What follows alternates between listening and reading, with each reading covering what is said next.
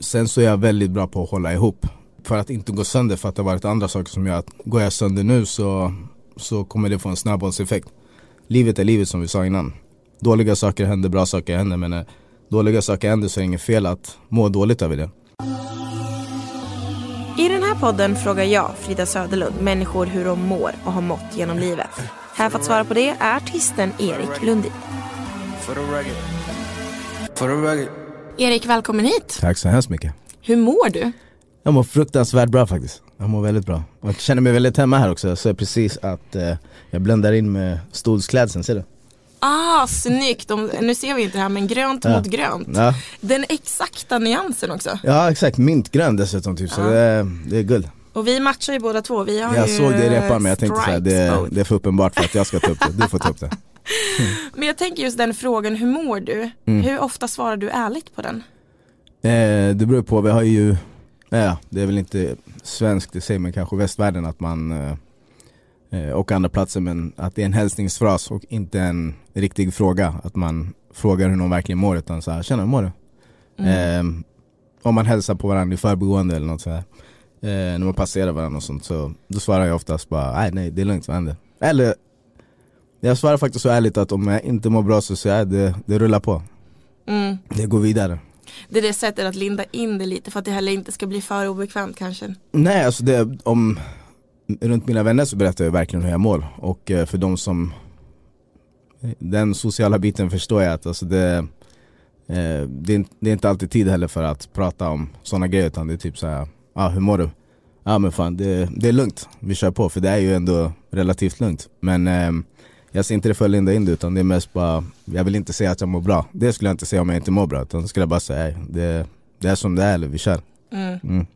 Men jag tror också så här, alla kanske man inte vill öppna sig för heller. Man kanske inte vill att hela världen alltid ska veta exakt vad som Nej pågår. precis, och det är då jag säger, jag, behöver jag kommer inte ljuga och säga att jag mår bra om jag mår dåligt Även ifall det är en främling utan jag säger bara det rullar, för det gör det Men jag tänker så här, i din musik och ditt textförfattande så känns du ju väldigt öppen och, Mm. och inbjudande. Är det, skulle du säga, lika lätt för dig i verkligheten eller blir musiken den här ventilen som du har? Det är En bra fråga ehm, Jag tror nog att mer, det, ventilationen i musiken är nog mer att gräva i känslorna för det gör jag väldigt mycket när jag skriver Så då får jag mer chans att typ så här.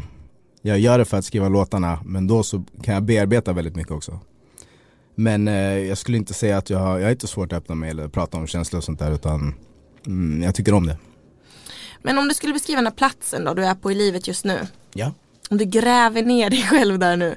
Vad, hur ser den ut?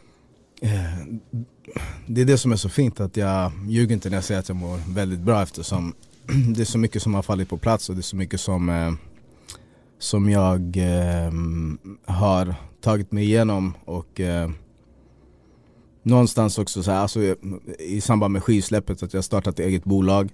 Jag släpper min debutskiva där på det bolaget. Jag eh, eh, sköter hand om mycket mig själv, jag har mycket bättre koll på allting. Eh, ute och turnerar och eh, ja, det känns bara väldigt skönt att ha kontroll. Jag gillar att ha kontroll. Och det har jag nu så mm, det känns väldigt bra. Hur kom du dit? Till den där platsen där du faktiskt har kontroll. Det är ju inte alltid så lätt liksom. Nej, det är en lång historia men det, det börjar väl någonstans med att eh, eh, jag gick skilda vägar med mitt gamla management till exempel. Eh, jag ville starta eget bolag, jag har velat göra det länge men det var inte förrän nu som vi hamnade här där jag stod själv som jag eh, eh, riktigt kände att det var läge. Så det föll sig ganska naturligt och sen så, ja, utan att vara för kryptisk, det är mycket som händer men det har landat på ett väldigt bra ställe. Mm. Hur, är du bra på att, förstå mig rätt när jag säger må bra? Är du bra på att vara på den här platsen att så här, gud, här- nu är det bra och kan njuta av det. Jag är en sån där som typ tänker att nu kommer nästa sak ramla ner i huvudet på mig snart så jag försöker skynda typ använda glädje på något sätt. Just det, ja. Äh, det kan jag känna igen mig ganska mycket i att just det där när man har mått bra ett tag så eh, känns det så här fan, aha, nu har jag mått bra så här länge, nu, nu måste någonting dåligt snart hända. Men så är det ju i livet och jag försöker, eh, speciellt under de senare åren, att säga, ah, det kommer komma dåliga saker, det kommer komma bra saker. Men jag är ganska bra på att navigera i mina känslor. Ehm, och att behöver jag må dåligt så kan jag göra det. Istället för, det är också ganska vanligt att folk som är vana vid, det är nästan deras bekvämlighetszon att må dåligt, må dåligt. Att de ja, allting är skit och det har jag vant mig vid. Jag har inte vant mig vid att må bra. Så när bra grejer händer eh, och mycket bra grejer händer och allting känns eh, löst om man säger så är det samtidigt läskigt för många att vara i den zonen. Och då kommer den här självdestruktiva biten in. När man förstör för sig själv för att mm. man är så Hellre att jag förstör det själv nu för jag, jag går omkring på äggskal för att jag vet att Jag vill inte bli överraskad av något dåligt igen så jag förstör för mig själv typ eh, Så har jag kanske inte riktigt levt men man har lagt öppet för att det ska kunna gå dåligt För att man typ Ja, man vill hellre eh, kunna förutspå den nästa smällen som man ska få ta Istället för att vänta in den och låta den komma. Men det är jag väldigt bra på nu. Mm. Det är ju bra tänker jag att mm. du inte att inte vara den personen som börjar sabba för sig själv bara för att man råkar vara på en plats där saker är jävligt nice liksom. Ja, nej jag, jag funderar väldigt mycket på det och eh, det ser man ju man, Jag tycker man kan se det i människor ofta. Att så här, okej okay, men den här människan, det är som ett Det är en ond cirkel som aldrig bryts för att så fort det går bra så blir människan obekväm i det. För att de vet att en smäll kommer komma förr eller senare, så som livet ser ut. Och, alltså, och vissa tar fler smällar än andra. Men eh, vissa kan inte hantera att må så bra så de förstör heller för sig själva. Men eh, jag tror att det är väldigt viktigt att försöka typ så här att eh, smällar kommer komma. Men lev här och nu i det som händer och absolut du kan, du kan eh, värja dig lite genom att vara förberedd på att någonting dåligt kan hända. Men låt inte det filtrera bort den här inre glädjen som du har över positionen som du befinner dig i. Känns ju också när man tänker på det rent, eller så här, helt orimligt att man försöker kontrollera det som är livet. Ja precis. Det är ju det man försöker när man precis. liksom blir den här destruktiva personen som ska paja mm. vad livet typ har gett en. Ja precis. Ja. Men om jag säger psykisk ohälsa, vad tänker du då? Um, ja, allting som berör ens känsloregister och mående. Det kan man ha, det kan vara på flera sätt. Det kan vara någonting som, som är Um, det beror på lite, jag tycker att det är så intressant det här med att så som det är typ ute i orten och många människor som ja, missbrukar eller begår brott och sådana här saker. Att man pratar aldrig om hur de mår utan det är bara så ja ah, jävla idioter, varför tar ni inte bara tag i det här bla bla bla. De tror inte att det finns psykisk ohälsa där ute, det finns inte Eh, folk som har olika diagnoser eller någonting utan de är bara jobbiga för att de är där utifrån och de vet inte hur de ska bete sig i det svenska samhället. Vilket inte kunde vara eh, längre från sanningen. Utan eh, i andra samhällen i Sverige och där man kanske, alltså i mer eh, inte bara välbärgade områden men, problem, med områden som kanske inte har så mycket sådana problem. Där sticker någon som beter sig annorlunda ut på ett helt annat sätt och där så är det direkt såhär, jo, jo men eh, Ja men den människan mår ju inte bra eller den människan eh, har den här diagnosen, den här diagnosen eh, Den behöver ju hjälp Men det är ingen som pratar om det där utan det är så, okej okay, men högre straff hårdare tag mot brottslingar och sånt där men ingen pratar om hur de, om hur de mår. Och det kanske inte heller där är lika man kanske inte själv är lika benägen att söka hjälp, man kanske inte själv vet att man kan få hjälp eller att man behöver hjälp. Utan det dämpar de andra saker som droger eller eh, våld eller de, de ventilerar på helt andra sätt med psykisk ohälsa i sig för att knyta ihop det till eh, det du eh, frågade om från början. Så det, psykisk ohälsa är ju bara att man man mår inte bra och eh, att leva i det är, eh, det är hemskt. Det är hemskt att leva i. Att inte må bra och kanske inte veta vad man ska göra åt det. Och kanske inte heller vill prata om det för det, det är mindre stigmatiserat nu än vad det var innan kanske. Men det är fortfarande många som inte vill prata om det. Varför är det så tror du? Jag har ingen aning faktiskt. Jag, jag har inte riktigt det. Jag har alltid så här, även de runt omkring mig om jag har mått dåligt så har jag alltid kunnat prata om det. Eh, Sen så är jag väldigt bra på att hålla ihop. Eh, du frågade innan om det här som jag är bra på att må bra. Fast det är grejer som är dåligt men jag eh, Jag har alltid kunnat hålla ihop för att inte gå sönder för att det har varit andra saker som gör att går jag sönder nu så, så kommer det få en snöbollseffekt. Så jag är bra på att hålla ihop genom sånt och har gjort det hela livet egentligen. Men det är väl mer nu som jag kanske börjar grotta ner mig mer i hur jag har mått tidigare och hur jag mår. Um, är jag ledsen nu på riktigt? Är jag glad nu på riktigt. Lever i det här, precis som mitt album handlar om. Just den här grejen att uh, uh, ränderna vi har på oss. Um, mår man dåligt så är det viktigt och både, det är fint och viktigt att kunna leva i de känslorna. För ibland så livet är livet som vi sa innan. Dåliga saker händer, bra saker händer men eh, dåliga saker händer så är det inget fel att må dåligt över det. Och inte bara den här, så här med gaska upp dig fan, eh, ta tag i dig själv och så här, det, livet går vidare och sånt där. Ja det gör det, men man kan fortfarande få må dåligt för det. Det är bara, det är bara nyttigt, det är som att hålla tillbaks tårar fast du vill gråta. Men det känns som en typisk grej människor säger till killar så här. Du ska inte gråta eller håll ihop eller ryck upp dig eller bit, bit ihop liksom. Var en man. Var en man. Jävla skituttryck om man ska se det krasst liksom. Mm. För det är ingen som säger, eller vad jag upplever i alla fall till en tjej. Ja men bit ihop bara. Mm. Det blir bra. Gråt inte. Nej, men är det inte också ehm, Är det inte det som folk kanske ehm, medvetet eller undermedvetet ändå försöker få tjejer och kvinnor att typ såhär Vilken stark tjej du är eller vilken stark kvinna du är True. Sant. Ehm, så fort fast- du är lite mindre kvinnlig så blir du stark. Ja precis, precis Efter normerna då. Precis, det är kanske det jag vill komma fram till att, eh, att det, det, det är kvinnligt att få gråta, det är kvinnligt att få prata om känslor och sånt här men oh, vilken, vilken ovanlig kvinna eller tjej som kan vara så här stark. Eh, och så, och så peppar man det istället för att, alltså det har ju varken med att vara kvinnlig eller manlig att göra utan må dåligt kan vi alla människor göra. Men är det annorlunda att vara kille och må dåligt tror du? Eller är det jag som tänker helt fel där? Om hur samhället ser på annorlunda- det mer Ja, än... hur samhället ser på det. För det är klart så här, må dåligt gör det ju oavsett vem du är eller vilken könsidentitet du än må ha liksom. Mm. Men jag tänker att samhället tittar ju på dig lite annorlunda. Jo men det tror jag, det har man ju fått med sig sen barnsben att typ såhär, fan gråt inte, du är en stor kille nu. Du är en stor kille nu, att det är såhär man, man Att växa upp äh, från pojke till man är att gå från att vara sårbar och gråta och känslig till att stå på sig och vara stark och allt det här. Du är stor nu, du är stor kille nu, så han har blivit man. Mm. Ja, och det ser jag som ruskigt fel. Och det kan vara så oerhört starkt att vara sårbar.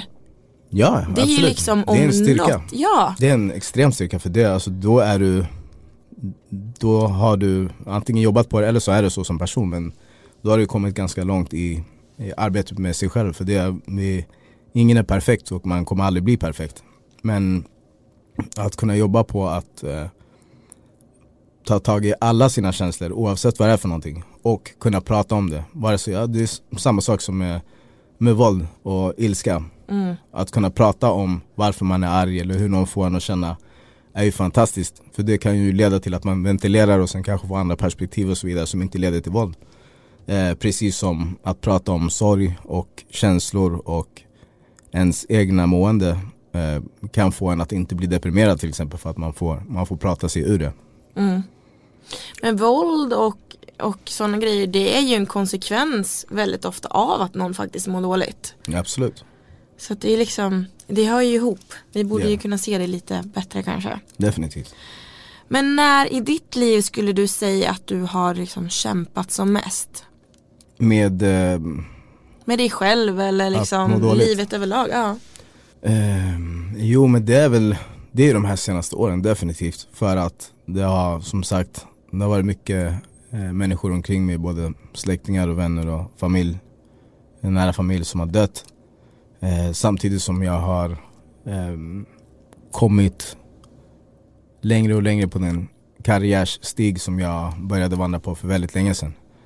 Eh, så samtidigt som man är glad för alla, varje ny vinst, varje ny framgång eh, varje, varje nytt släpp så är det svårt ibland att leva i den lyckan och den glädjen av hur bra det är för att man samtidigt går igenom helt andra saker.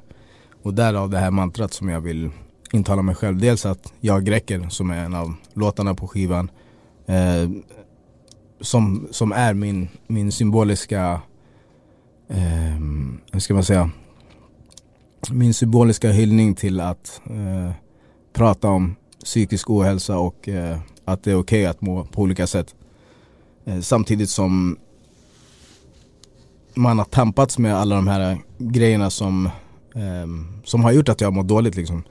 Ehm, behöver jag ju hålla ihop på grund av att annars är jag vill inte försvinna mus- från musiken för samtidigt som jag har mått dåligt så är det ju som vi pratade i början av samtalet en eh, den har en stark ventileringskraft för mig att kunna skriva och sånt där som, som gör att jag vill inte sluta skriva eller må dåligt eller försvinna eller någonting utan jag vill fortsätta. Det, samtidigt som det är tufft så får det mig att må bra. Jag skrev ner någonting exakt från den låten Jag räcker innan jag gick in hit. Och det är att du skriver i den låten i jakten på svar på den ständiga frågan som verkar förfölja mig livet igenom. Hur ska jag klara mig igenom idag? Mm. Var kommer det ifrån? Just den här grejen att när man eh, till exempel när man mår bra och eh, man liksom förutspår att snart kommer det hända någonting dåligt. Eh, och så kommer det här dåliga. Då, blir, då går man ju sönder lite för att det, det ja, jag visste att det här skulle hända, jag visste att något skulle hända. Kanske inte just det här men någonting dåligt skulle hända som kommer få mig att må skit ett tag. Hur fan ska jag klara mig igenom det här? För så fort jag är bra igen så är det någonting nytt som kommer. Men återigen, det är livet. Så det är en fråga som jag ställer mig varje gång det kommer en sån grej. Att man, man mår dåligt, hur fan ska jag ta mig igenom det här? Jag orkar inte mer typ. Men samtidigt så försöker jag jobba mig igenom varje sån grej. För det, det är saker som inte går att förutspå utöver att livet består av fina och tråkiga saker. Består av livet och döden och allt det här. När tänkte du så senast? Mm, när tänkte jag så senast? Det kommer nog lite då och då. Alltså man kan ha en dålig, dålig dag av, eh, på grund av andra saker. Alltså då, saker som man måste ta tag i. Så, ah, nej, de här grejerna, fan allting är löst. Nu, nu är det nya problem på gång. Eh, som kanske inte handlar om livet och döden. Men det, ja, den frågan ställer jag nog mig lite då och då. Men svaret på den frågan blir ofta att eh, ja, vi, vi jobbar oss igenom det här utan att det blir på bekostnad av att eh, dämpa känslorna. Det är viktigt. Jag tänker att många tänker tvärtom att de vill dämpa den här sorgen eller smärtan mm. som man känner. För allt man vill när man känner som att hela kroppen håller på att gå sönder är ju att det inte ska hända liksom. Vad är det som gör att du gör tvärtom? Det är nog för att eh, du kommer inte undan det. Du kan, du kan ta det på kredit och sen så eh, Kommer ja, tillbaks du, med du ränta. Ja precis, du får produkten idag men den kommer betalas på ett eller annat sätt. I form av någon skuld. Mm. Um, så det är väl att, uh, ja det är inte roligt att gå igenom de här känslorna nu för att jag försöker hålla ihop och uh, ja, klara mig igenom idag. Men gör jag inte det nu så finns det ett sämre alternativ och det är att det läggs på lager. Som byggs på med nya saker hela tiden och sen helt plötsligt så, så yttrar det sig på ett sätt som kanske är mycket mindre hanterbart än att gå igenom det där och då. Quality sleep is essential for boosting energy, recovery, and well being. So, take your sleep to the next level with Sleep Number. With a Sleep Number smart bed, you can individualize your comfort level and enjoy a better sleep night after night. JD Power ranks Sleep Number number 1 in customer satisfaction with mattresses purchased in-store. And now the Queen Sleep Number C4 smart bed is only $1,599, a saving of $300, only for a limited time. For JD Power 2023 award information, visit jdpower.com/awards. Only at Sleep Number stores or sleepnumber.com. Men det är väl det, just ditt debutalbum heter ju också Zebrapojken mm. och det kommer väl mycket från det. Det här med att kunna vara 100% i båda typer av känslor. Ja, Sorgen precis. och glädjen. Inte hamna i den här gråzonen. Hur gör du för att inte hamna där? Mm, ja, det, det, det är väl något, som jag har jobbat upp för att jag har ändå gjort det här några år nu. Innan så var det ju, jag tror att jag mer dämpade känslan och sånt där innan jag eh, um, började få priser och hyllningar och sånt där. Då var det nästan ännu mer typ såhär, fan jag vill bara köra på, jag kan inte hålla på med känslor och sånt där utan jag vill bara köra på. Jag har en dröm, det här är mitt kall, det här är vad jag vill göra. Var du rädd eh. då att det skulle liksom få dig att falla ihop så mycket att du inte kunde göra musik eller? Nej, jag vet inte, jag kanske bara var sämre på att hantera det. Eh, och jag hade inte så mycket att jämföra med för då var jag väldigt mycket som var väldigt dåligt. Eh, inte så mycket som var bra så då var det kanske lättare att typ säga okej okay, men jag har inte de här två glädjen och sorgen att pendla så mycket mellan utan det är sorgen och kampen istället bara. För att lyckas och då hade jag hållit på ändå så här aktivt och jagat min dröm i åtta år kanske. Eh, så när jag väl lyckades lägga det åt sidan, eller när, när framgångar och sånt började komma så var det mer så här, ah shit, nu finns det den här att pendla emellan. Eh, för annars hade det nog varit jobbigt också. Det kanske var en självbevarelsedrift också att känna att, eh, okej okay, men det är så mycket dåliga saker som händer. Men om jag bara ska ta itu med den sorgen hela tiden så då kommer jag bli deprimerad typ, för, på riktigt för att jag eh, varje gång jag tar tur med en sorg eller något arbete som jag har att göra så kommer det nya saker och det händer aldrig något riktigt bra. Så då var det, handlar det nog om självbevarelsedrift, att bara bita ihop och köra på för jag vet att jag har det som krävs. Samtidigt som jag fick ventilera som sagt genom mina texter. Du var inne på det lite innan att det var, det var mycket död kring dig mm. under en period. Vad var det som hände? Um, ja, det var väl en del otur också, alltså människor som, ja, som dog av andra anledningar än just mord. Det var mycket mord också. Det, men det har varit, det har varit många som har, som har dött på vägen. Eh, men sen så var det sjukdom också, det var självmord. Det var mycket saker som eh, eh, just under den perioden, men det har ju följt med mig genom åren. Så det, det låter hemskt att säga men jag har blivit bättre på att ta emot sånt. För det, nu går tillbaka till de här kontona, det är också någonting som du har ju bara så mycket på det kontot också. Du kan inte gå sönder helt och hållet varje gång för då, då vet jag inte vad som hade jag tror inte, jag vet inte om det går. Eller för mig så är det inte så i alla fall utan det, det är lika sorgligt varje gång men, men jag agerar inte nu som jag gjorde för 10 eller 15 år sedan när det första hände.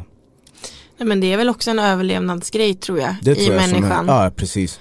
För döden om något är ju ja, kanske den absoluta punkten, alltså smärtpunkten om man ska säga, den höjden av den på något sätt. Av att så här, det finns kanske inget mer smärtsamt än det egentligen. Jag vet inte alltså, det, det, man, en människa kan ju utsättas för väldigt mycket som eh, jag inte har utsatts för. Som eh, för dem kanske är lika smärtsamt som döden är för någon annan.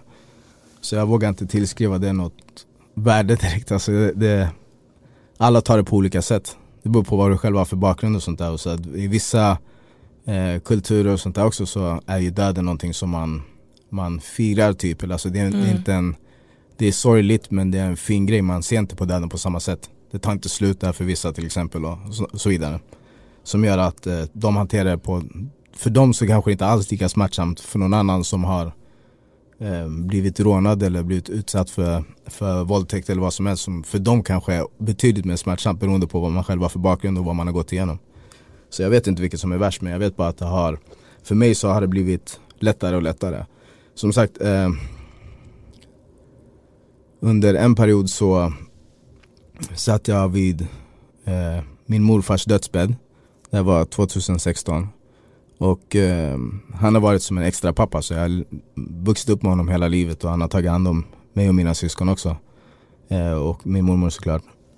Men eh, så satt jag vid hans dödsbädd och det var väldigt sorgligt men han var ändå 85. Och eh, när jag satt vid hans dödsbädd och skulle, innan jag, dagen innan jag skulle ta farväl av honom tror jag. Så fick jag ett eh, samtal om en annan barndomsvän som hade blivit ihjälskjuten.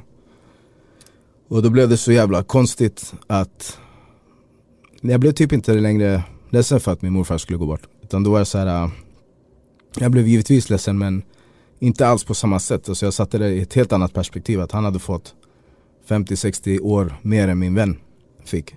Han har levt ett bra liv, ett långt liv. Ett hårt liv, han har fått jobba och kämpa, slitit som alla andra. Men, men, eh, men ändå hälsan i behåll fram till hög ålder. Eh, och helt plötsligt så var det så här, fan, fan vad fint att han har fått alla de här åren. Det var mycket lättare att ta farväl av honom då. Så helt plötsligt så kunde jag inte riktigt sörja det heller utan det var så här, ja men fan det, fan vad fint. Jag kommer sakna honom men eh, jag hoppas att jag får leva lika länge som honom. Och med hans hälsa. Mm. Livet kommer ju alltid göra sådär mot en, ge en perspektiv på sätt man kanske inte alltid önskade. Absolut. Men ibland så blir det ju tydligare mm. när någonting traumatiskt händer. Men jag tänkte så här, hur påverkades du av allt det här med att, liksom, att folk gick, när folk går bort runt den på det där sättet? Det beror på vem det är och av vilken orsak. Ehm, det är ju alltid ehm, väldigt emotionellt upprörande eh, att, ehm, eller hur ska man säga, det, det rör runt i dina känslor när, när någonting händer men det beror på av vilken anledning det händer och att eh, det blir lite annorlunda. Även om båda är orättvisa så känns det kanske annorlunda med sjukdom än med ett mord till exempel. Mm. Känner annorlunda kanske för ett självmord. Men eh, ja, det... Jag vet inte riktigt vad det är alltså. Det, första gången, men då var jag kanske 19. Um, ehm, och det var en av grabbarna som jag hängde med som uh, blev ihjälskjuten. Då var det så här, eh, då kunde jag inte tänka på någonting annat överhuvudtaget. Utan det var bara så, så himla overkligt.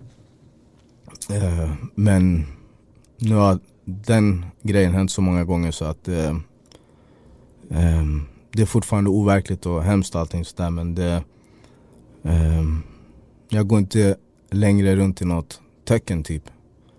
Utan så här, jag kan funktionera väldigt väl. Förändras en syn på livet på något sätt när döden har varit så närvarande eller är så närvarande på något sätt? Mm, ja det gör det väl. Um, man inser hur, hur eh, sårbar man är, att man är inte odödlig, ingen odödlig. Eh, och försöker göra det bästa av varje dag som jag har. Och att göra det bästa av varje dag betyder inte för mig att jag måste fylla det med 20 aktiviteter och ringa alla jag känner och sånt där. Utan det kan vara att göra ingenting också. Det är viktigt för mig också, för det får mig att må bra. Eh, så göra det bästa av livet för mig är att göra saker som du mår bra av. Eh, det är väl det. Och sen att det kan hända vem som helst. Ehm, så ja, det sätter perspektiv på saker och ting men, men ja, sen vet jag inte om det kommer med ålder eller om det kommer med livserfarenhet och det som man har varit med om. Att det kanske är därför som ja, man blir klokare och visare med åren och jag är glad för varje dag jag får. Men att formas via att på något vis kastas lite som du gjort de senaste åren mellan lycka och framgång mm. och sorg och död. Vad, hur skulle du säga att det liksom har format dig om man säger så? Jag vet inte alltså. Jag. På något vis känns det också lite så här som en jag vet inte, ibland, jag försökte förklara det för en kompis bara häromdagen att han sa det att det, det hände något väldigt dramatiskt han bara fan livet var som allra bäst. Mm. Och jag bara ja men kanske behövde livet vara som allra bäst för att du skulle typ stå pall för just den här saken. Så kan jag känna också väldigt många gånger att alltså Just det, det det är ett fint sätt att se på det. Att, eh, ja, nu är allting så bra så kommer någonting dåligt. Ja men vad hade hänt ifall du hade mått som sämst då det hände? Mm. Hur hade, vart hade du varit då? Det tänker jag ofta på också. Så det är väldigt sant det du säger. Att, eh, ibland så behöver det vara som bäst för att man ska klara av det som är som sämst. Mm. Eh, men sen, alltså, jag är en, i grund och botten en glad kille så jag har alltid varit så här. Um, nu kan man inte värja sig emot sånt genom att vara en glad kille men jag det bara ju. Förhoppningsvis, det, det tror jag nog att jag gör. Men eh, jag eh, är ganska lättsam av mig överhuvudtaget och eh, små saker roar mig. Så jag, jag, eh, jag har, alltså även på min eh, skiva, vilket eh, nu refererar jag väldigt ofta tillbaka till den men det, den handlar ju väldigt mycket om psykisk ohälsa och hur jag mm. mått genom livet. Så kan jag ibland känna så fan den är lite, eh, den är lite mörkare. Den framstår som mörk och som att min barndom var mörk men det var den inte alls utan jag, jag var väldigt glad under hela, jag, jag känner fortfarande att jag hade en fantastisk barndom. Eh, det är väl när man är vuxen och kan sätta saker i perspektiv och börja fundera på så ah shit den här grejen var inte så jävla nice ändå. Men under den tiden så var jag jag blev inte nedbruten på något sätt utan jag, jag levde livet. Ja men vi har väl alla mörka partier tänker jag. Ja, och ibland så kanske de som behöver komma ut på det här sättet, som på en skiva. Mm. Eh, vi kanske inte är lika benägna på något sätt att skriva om när livet är på topp. Nej, jag, jag lever ju mer där livet är på topp än vad jag eh, har känt vissa gånger. Men eh, eller det blir lite diffust att säga men alltså jag, jag lever ju på en mer på en väldigt ljus sida än den här mörka. Den här mörka tar jag tag i för att den är viktig. Det är, det är, inte jag som har valt den utan det är saker som har gjort att jag måste vara där. Men utan dem så hade jag nog varit väldigt mycket eh, då hade det nästan bara varit ljus. Men vem är det så för? Det som du säger, vi alla har väl mörka partier. Vågar du gräva ner dig själv mer nu i de här känslorna och mörkret och, och sådär nu när ja, du har blivit äldre eller har den erfarenheten än vad du gjorde innan? Ehm, ja, det vågar jag nog. Eller vågar jag? Jag tror inte att var, jag, jag var nog inte, kanske undermedvetet så kanske jag var skrämd från att göra det. Men det var inte som att jag kunde börja tänka på det när jag var yngre heller och så oj det här var läskigt, det här vill jag inte tänka på eller ta tag i utan det var bara att jag gjorde inte, jag, kände, jag tänkte inte på det utan det var så här, det är som det är. Och jag bara körde på. Men när du ser tillbaka på allt egentligen, om det är det där första mordet när du var 19 eller bara de här senaste åren, vad tänker du då? Alltså hur kan du se på dig själv? Kanske att jag är mer medveten och nu är ju, nu har ju, alltså det här är inte bara i mitt liv utan varför att det har blivit så här på de senare åren är för att det har blivit hårdare där ute. Så det är inte riktigt att, eh, därför så kanske jag börjar ge mig in i de här grejerna mer. Eh, för att det är mer påtagligt, det är mer närvarande i ens miljö och i, alltså i hela vårt samhälle. Alla berör sig på det, av det eh, på ett annat sätt nu än tidigare när det var mycket ovanligare. Den psykiska ohälsan tänker du? Nej nu tänker jag på det, alltså, Så. eh, du frågade om mordet Ja exakt, ah, ja. eh, för många år sedan och då var det så pass ovanligt så att det var Mm. så här, det, det, det blev en så stor grej men nu så, när det är konstant närvarande så pratar man om det hela tiden. Även folk som inte kanske är direkt utsatta för det eh, har väl också det runt middagsbordet och snack om hur det ser ut där ute och sånt där så det finns ju mer närvarande, alltså pratar vi mer om det. Ehm, men kring det psykiska ohälsan så mm, jag kände inte av den då. Jag mådde ju väldigt psykiskt dåligt av, av det då såklart. Men eh, i grund och botten så, så var det inte lika närvarande så att jag tänkte väl inte, och sen var det andra grejer som hände också såklart. Eh, men jag tror inte att jag, eh, jag, jag levde inte i den miljön heller på det sättet. Så att jag, eh, vilket jag fortfarande inte gör men som sagt det har krypit närmre alla oss nu. Mm. Så då blir det med att man pratar om det, då, blir väl alla lite mer deprimerade. Det är, det är inget roligt att det är som det är. Världen är kanske, ja kanske inte mörkare än någonsin men den är ju komplicerad om något Definitivt. kan man säga. Men vilka känslor skulle du säga att du har kämpat mest med liksom, genom livet? Är det sorgen eller är det liksom någonting helt annat? Eh, nej det är nog sorgen. Definitivt skulle jag säga. Eh, sen så, det, det är ju otroligt psykiskt påfrestande att jaga, det kan du fråga vem som helst som eh, försöker nå en karriär inom vad som helst. Vare sig de är atleter eller om de är skådespelare eller om de är musikartister. Så det är ju, eller någonting som inte har med underhållning och sport att göra. Men eh, att, att konstant, det var ju många nederlag innan eh, jag nådde dit jag står idag. Så eh, det har varit eh, otroligt påfrestande. Det, ehm, det har varit nog minst lika jobbigt. Vad har gjort då att du liksom har fortsatt? Det finns ju, alltså, det finns ju folk som ger upp och det är inget, det är inget konstigt att man gör det. Liksom. Nej, jag har haft många chanser att ge upp. men du har inte tagit dem. Jag har inte tagit en enda av dem utan jag har så hela tiden det har nästan varit läskigt tvärtom utan jag har hela tiden, jag har aldrig sett ett alternativ. Jag har aldrig sett det som ett alternativ att jag skulle lägga ner. För jag har alltid tyckt att jag varit bäst, jag har alltid tyckt att jag har det som krävs.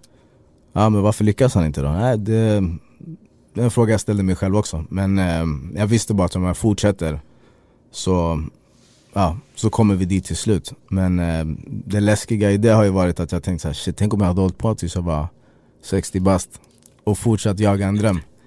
Eh, det var lite läskigt att känna. Men fan då, var, då skulle du ju bli den personen som var 60 bast och hade fortsatt jaga sin dröm och den Ja, vill man väl kanske vara Det, istället för den som gav upp ja, på vägen. Ser lite galen ut men eh, men det absolut. är ju härligt. ja, eftersom det, det, det är hiphop, det är en ung människas sport som de säger. Men eh, eh, men det, alltså det, det bekom mig aldrig utan jag kände alltid att så här, det, det här är vad jag ska göra. Det här är vad jag ska göra, det här är vad jag gör och det här är vad jag kommer göra. Jag såg inget alternat, annat alternativ utan så här, det, hur psykiskt påfrestande den var. Och jag hade ju människor runt omkring mig som ville mig otroligt väl men som ändå typ såhär, men fan, känns allting bra? Verkligen så här, eh, men det är det här du vill göra och typ såhär, det alltså som tär på en fast de säger inte det av illvilja utan de vill ju ens bästa men typ såhär, det börjar se lite galet ut när man har hållit på hur länge som helst men ingenting händer och det händer för så många andra som eh, eh, jag har aldrig känt, det, det, har nog också hjälpt mig att jag aldrig varit missunnsam mot eh, varken de omkring mig som har lyckats eh, eller andra som lyckas, att typ, varför de lyckas men inte jag. Det hade nog också, jag har aldrig varit bitter på så sätt. Jag vill att alla ska lyckas. Jag blir glad, om någonting så blir jag inspirerad och sporrad när jag ser folk som lyckas som också har krigat. Um, så det har väl också gett mig bränsle till att aldrig underhålla tanken på att lägga ner eller ge upp. Utan det har hela tiden varit så här, jag, eh, det här är vad jag älskar att göra. Jag har varit helt förblindad av passionen som jag haft för att skriva till exempel som har gjort att det får ta hur många år som helst men jag kommer fortsätta tills jag känner att jag har lyckats. Men motgångar, död, sorg, är det någonting man också kan dra just så bränsle av när det kommer till sin passion på det här sättet? Ja definitivt och det här är ju ingenting som jag eh, en inställning som jag uppmanar folk till att hålla eller ha utan för mig så var det verkligen så här Spelar ingen roll vad livet kastar i min väg, alltså jag ska aldrig ge upp och jag kommer inte låta mig brytas ner. Så det har också varit en sån här Jag är otroligt envis och jag har otroligt mycket tålamod. Och har alltid haft. Så det har aldrig varit så här. Ja men vid någon punkt så måste man ändå ge sig och bara okej okay, men det, här, det är för mycket som händer och det har aldrig funnits så. Det har bara varit så okej okay, men jag vet att jag är starkare än allt det här. Och därför så har jag fortsatt hela tiden. Finns det något tillfälle där du kan titta tillbaks och tänka att trots all skit som händer runt om så ställde jag mig och gjorde det där ändå. Mm. Det är helt sjukt. Ja, det, det, exakt. Det blir någon som, på någonstans så blir det ett kvitto på att så här, fan det spelar ingen roll, jag klarar av allting. Vilket också i sin tur leder till att jag har känt att så här, ah, men fan det, livet är livet. Du kommer inte kunna förutspå vad som, eh, i de flesta fall, förutspå vad som kommer hända. Eh, men varje gång som du reser upp efter, någon, efter en smäll efter ett eh, nederlag eller efter någonting som du har misslyckats med. Varje gång du ställer upp så visar det att du kan hantera det i livet. För livet består av väldigt mycket sådana prövningar. Men, eh, eh och då kan, nu så kan jag titta tillbaka på alla dem och säga, fan tänk, tänk alla de här möjligheterna jag hade till att ge upp. Dörren stod vidöppen, det var bara att kliva igenom den. Men eh, jag sparkade igen den där varje gång. Så det, det fanns inte en chans att jag skulle göra det. Och det, det, det känns så himla mycket bättre. Det har nog också gett mig så här. Eh, livet blir lite fantastiskt och mystiskt på det sättet. Alltså. Tänk dig vilka grejer man kan gå igenom. Men ändå ta sig igenom det. Hur stannar man i den glädjen liksom? Som ändå finns någonstans i utkanten av det som är tungt. Det är väl, alltså jag blir ju väldigt glad för väldigt lite. Um, det, räcker, det räcker med mitt svarta kaffe som jag fick här innan. Behöver ingen mjölk i det. Jag kan uh, um, Jag samlar på varje kvitto, det spelar ingen roll hur länge jag gjort det. Jag har samlat på alla mina uh, artistband, alla mina affischer. Jag vill ha allting alltså. Jag firar varenda liten seger. Jag, uh, om jag får när jag går härifrån så ska jag behålla det här kortet, det här besökskortet. Det får du. För att eh, det, det, har mitt, på den så står det mitt, eh, eh, vad heter det, musikbolags mm. eh, namn som är mitt eget. Det är också en vinst för mig så jag firar varenda sån här liten vinst. Jag kom hit med mitt företag för att snacka mer, alltså från AB till AB. Ja. mitt AB till erat. Ja. Vi är väldigt glada att du gjorde det. Ja det är fantastiskt att vara här. Så det, jag firar allt, alltså allting gör mig glad. Det låter lite... jag tycker att det låter här, alltså det... det är härligt och jag, jag, jag försöker inte förminska mig själv här utan det, det är för att jag tycker att det är så, eller det är så jag vill leva och det Um, det låter bara så roligt när jag hör mig själv säga det. Ah, det kommer låta roligt när jag hör dig själv sen. tittar upp i himlen, så titta det där molnet ser ut som en boll, en badboll. men, men blir man också mer medveten om att livet fan är fantastiskt ibland också när man har tvingats se att det också kan vara så jävla svårt. Ja, Eh, jag vill inte varken säga eller hoppas på att man behöver ha sånt för att kunna uppskatta det fina utan jag, jag hoppas att folk som går igenom livet utan och har sluppit de där grejerna fortfarande kan vara glad för små saker. Eh, eller lära sig att bli glad för små saker. Men eh, definitivt så sätter det ju saker i perspektiv på ett helt annat sätt. Eh, jag har fått mina första gråa hårstrån, vilket är fantastiskt. Betyder att du är klok? Jag är verkligen det. Jag vet inte, jag har sett många gråhåriga som är idioter alltså. Så jag skriver inte på Var det. fick Jens det ifrån? Men det känns Ja, så gammal och vis. Ja, precis. jag tänker att Ja, du precis. blir gammal nu vet du. Klok och gråhårig typ Ja. Men eh, eh, ah, det skriver jag inte på för jag har träffat massvis med idioter med grått hår. Men eh, ehm, Däremot så, så här, för- vad är alternativ? Du vet, ah nej, ett för, mitt första gråa hårstrå så här. Ja absolut, det, det kan ge folk åldersnoja och sånt där. För mig absolut inte. Jag, det har väl fått lite av det här att jag vet vad alternativet till att få grått hår är. Eh, och det är inte att färga håret utan det är att inte bli gammal nog för att kunna få grå hårstrån. Så det här är ett, ett kvitto på att jag har fått leva så här länge. Det är fantastiskt. Men är skrivandet och musiken och det här berättandet också lite av en, ja men en livlina kanske är stort att säga men kan det vara det också för dig? Mm. Ja, åtminstone en stödkudde för det, alltså jag har ju min familj. Min familj betyder mer än någonting annat för mig. Så det, ehm, hade jag inte haft musiken så är det inte så här, musiken är allt. Det är inte allt. Min familj är allt. Ehm, så hade jag inte haft den här passionen eller viljan att skriva överhuvudtaget eller om jag inte hade känt att det hjälpte mig så hade jag fortfarande haft familjen. Så jag, jag står och faller inte med musiken. Det är jag inte. Men eh, definitivt ett stöd till att eh, hjälpa en genom svåra tider. Och eh, sen så är det det här klyschiga också att så här, det, eh, eh ah, hur ska jag formulera det här? Det, de säger att till exempel alltså de, det finaste kom, konsten kommer ur sorg och smärta och sånt där för kreatören. Eh, beroende på vad det är för någonting men jag håller inte riktigt med om det. Men eh, definitivt så har jag kunnat skriva ur mig de mörkaste grejerna som någonstans så blir det ändå så det, det rensar mitt tankesystem lite. Som gör att det sätts i perspektiv och jag, jag mår bättre efter att jag har skrivit, definitivt. Och jag skriver ju varje dag hela tiden så det Vare sig det är eh, till en befintlig låt eller om det är bara en rad som jag tyckte hade rolig rimstruktur så håller jag alltid på med. Det är lite hjärngymnastik också men eh, definitivt det har, det har hjälpt men jag, jag har aldrig känt att jag har stått och fallit med skrivandet.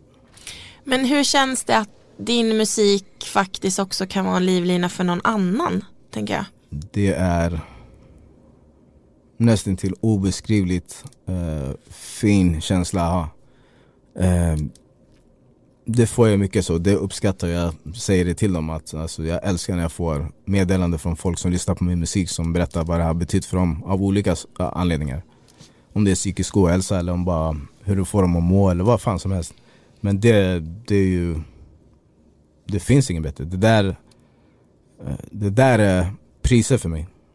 Som jag, alltså det är kvitton för mig för, på att um, nu gillar jag att skriva överhuvudtaget men när man får höra sådana saker så det är det bästa bränslet som finns. 110% Vilken var den viktigaste lärdomen du drog av att skriva det här albumet? mm. Det skulle vara så tråkigt att säga att jag inte har lärt mig någonting av det. Men, Men det kanske du inte har. eh, nej, nej precis, det är det. Jag måste ju vara ärlig mot mig själv. Eh, har jag lärt mig någonting? Ehm, jag vet, alltså jag har ju sett det, jag, sk- jag skriver mycket självutlämnande saker eller saker som eh, jag har sett omkring mig eller gått igenom själv eh, som folk har relaterat till sen innan det här. Så det blir väl lite en lärdom i sig men att eh, Eh, nej jag vet inte vad jag, jag, vet, jag kan inte komma på något sexigt att säga som jag har lärt mig som, eh, som Pressen. Ja, exakt, eh, exakt Eh, Nej jag kommer inte på någonting direkt, jag, jag får återkomma till det Ja du får göra det. mm. Men jag tänker så här nu som sagt när vi började den här podden så frågade jag hur du, hur du mår och du mår jävligt bra Ja, just nu liksom. Hur, känner, hur, du, hur stannar du kvar i den glädjen? Mm, ja det, nu är det så himla lätt så jag behöver inte tänka på det. Så att nu är jag ute och spelar, eh, min skiva är släppt, folk lyssnar på den. Ehm, har vänner och familj runt omkring mig. Allting är bara, våren är på väg. Det, det är enkla saker, så det, nu är det bara nedförsbacke. Men eh, samtidigt så, alltså som sagt, hur stannar man kvar? Jag vill behålla det här uh, besökskortet till exempel. Det, Mm. Varje sån där grej är en liten så här pirra till lite, varje grej. Du ska få avsluta det här med fem snabba frågor. Det Jalla. låter också väldigt osexigt att säga så. Men jag kommer göra det ändå. Mm. Så att eh, jag kanske har döpt om det här och klipper bort det eh, innan det här publiceras. Vem vet så jag kommer Mm. på någonting att det heter något coolare. Nu kommer jag precis på också en lärdom som jag har dragit av, Mm. ehm, eh, av den här skivan. Och det är väl, eh, återigen, det, jag var nog inne på det här Men ja, jag, jag valde en annan korridor när jag kom på att, för det är inte heller sexigt men eh, alltså jag har lärt mig av skivan rent ehm, Alltså eh, den praktiska processen Så har jag lärt mig att ehm, alltså det går att göra allting själv och det är otroligt viktigt Eh, Den här skivan som sagt, jag har släppt den själv på mitt eget bolag Ehm, Jag äger den själv Fett. och det här har ingen, tack så mycket, och det har ingenting med eh, det kreativa att göra. Men bara just det här att äg din egen, äg det du skapar. Eh, det är någonting som jag uppmanar många till att göra. Ehm, I största möjliga mån, alla kanske inte, alla har egentligen det men sen så det kanske är för dyrt att ta fram en skiva själv. Man kan ha skivbolag och sånt där. Det, det är inget fel beroende på vad, vad du själv vill göra och så vidare och vad du inte vill göra. Men eh, bara ha kontroll över ditt skapande och i största möjliga mån så du, man kan göra så himla mycket själv. Vilket jag inte skulle tro var möjligt för ett par år sedan men jag fick släppa min debutskiva på mitt eget bolag. Det, eh, där jag äger den själv. Det är fantastiskt. Har du blivit bättre nu på att sålla bort sådana saker som kan liksom paja ens välmående på något sätt? I mycket högre utsträckning än innan. Sen så finns det alltid så här när man som alla egenföretagare som så här, det kan gå ut över vänner och familj att man jobbar för hårt och man, man gör massa grejer. För att man, ehm, eh, det kan leda till större uppdrag. alltså så här, ja, men om jag hoppar på det här, hoppar på det här, hoppar på det här.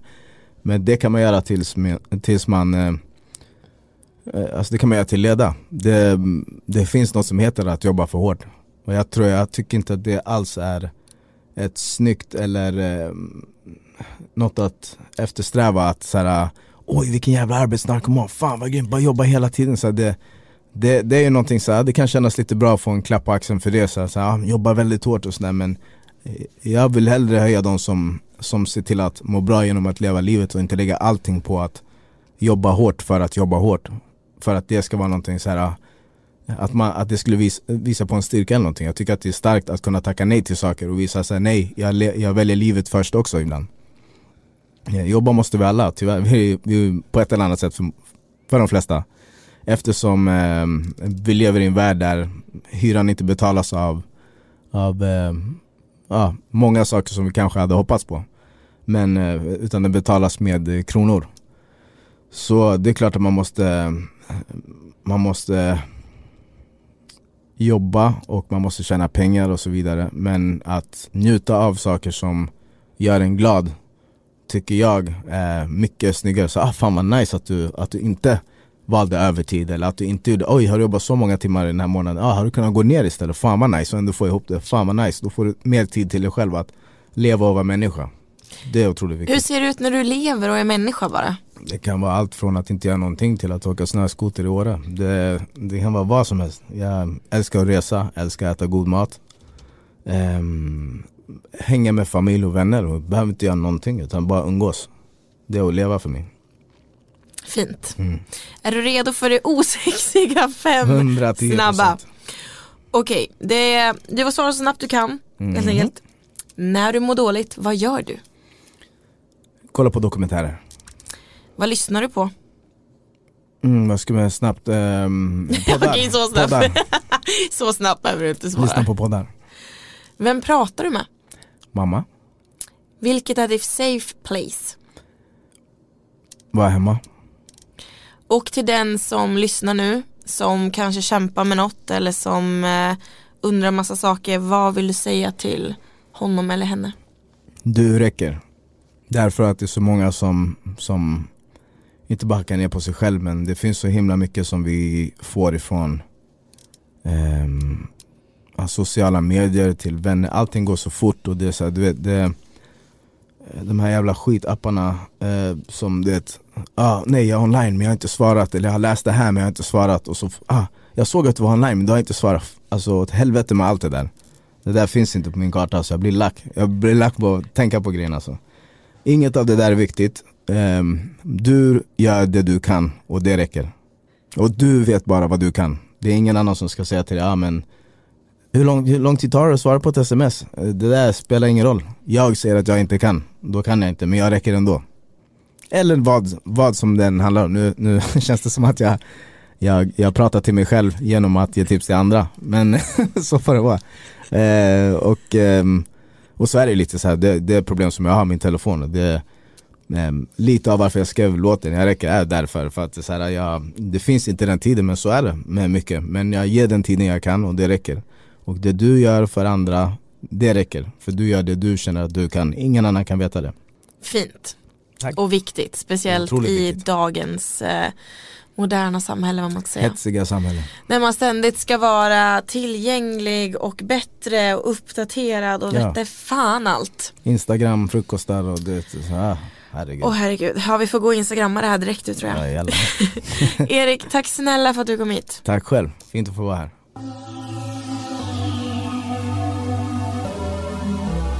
For the record, for the record.